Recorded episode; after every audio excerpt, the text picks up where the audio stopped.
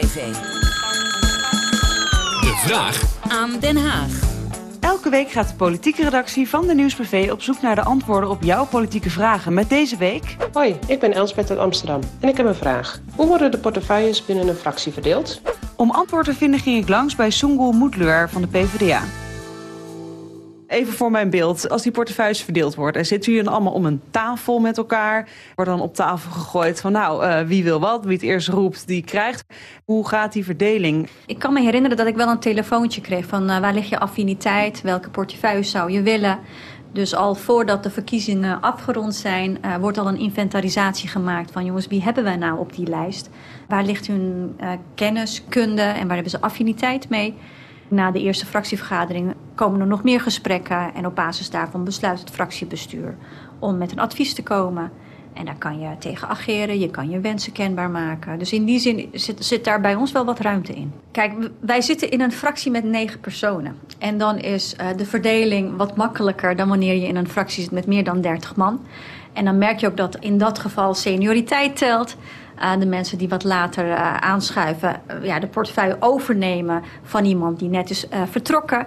Waar ik zelf last van had van die senioriteit was, was dat ik de kleinste kamer kreeg.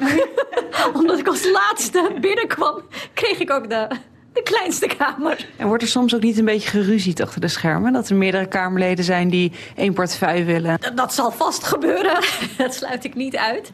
Wanneer kan er wrijving optreden is wanneer je je collega's passeert. Dus er zijn soms onderwerpen die en uh, jouw portefeuille, justitie en veiligheid betreffen, maar, maar bijvoorbeeld ook armoede of uh, onderwijs. Ja, en dan is het gewoon uh, een kwestie van je collega opbellen, samen afstemmen of de inhoud goed is en ook samen afspraken maken wie voert dan het woord.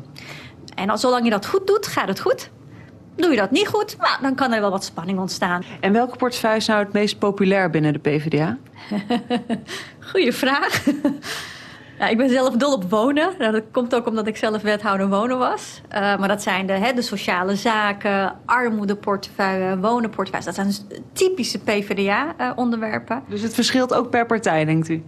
100 procent. Uh, binnen de VVD zal uh, veiligheid, maar ook uh, infra, denk ik, ook wel belangrijke portefeuilles zijn. Het zijn echt VVD-portefeuilles, dus dat, dat merk je wel. U heeft dus portefeuille Veiligheid en Justitie. Bent u daar eigenlijk blij mee?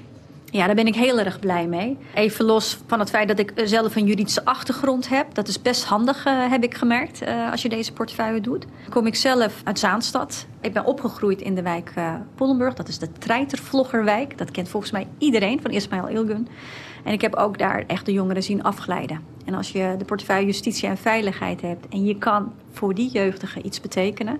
door veilige wijken te creëren... door ze weer op het rechte pad te krijgen... dat ik denk, ik heb volgens mij echt een van de mooiste portefeuilles. Nou, heel erg bedankt voor uw tijd. Ja, dankjewel. En ik zou zeggen, kom volgende keer weer. Misschien heb ik dan nog een grotere kamer. Ja, ik ga het zien.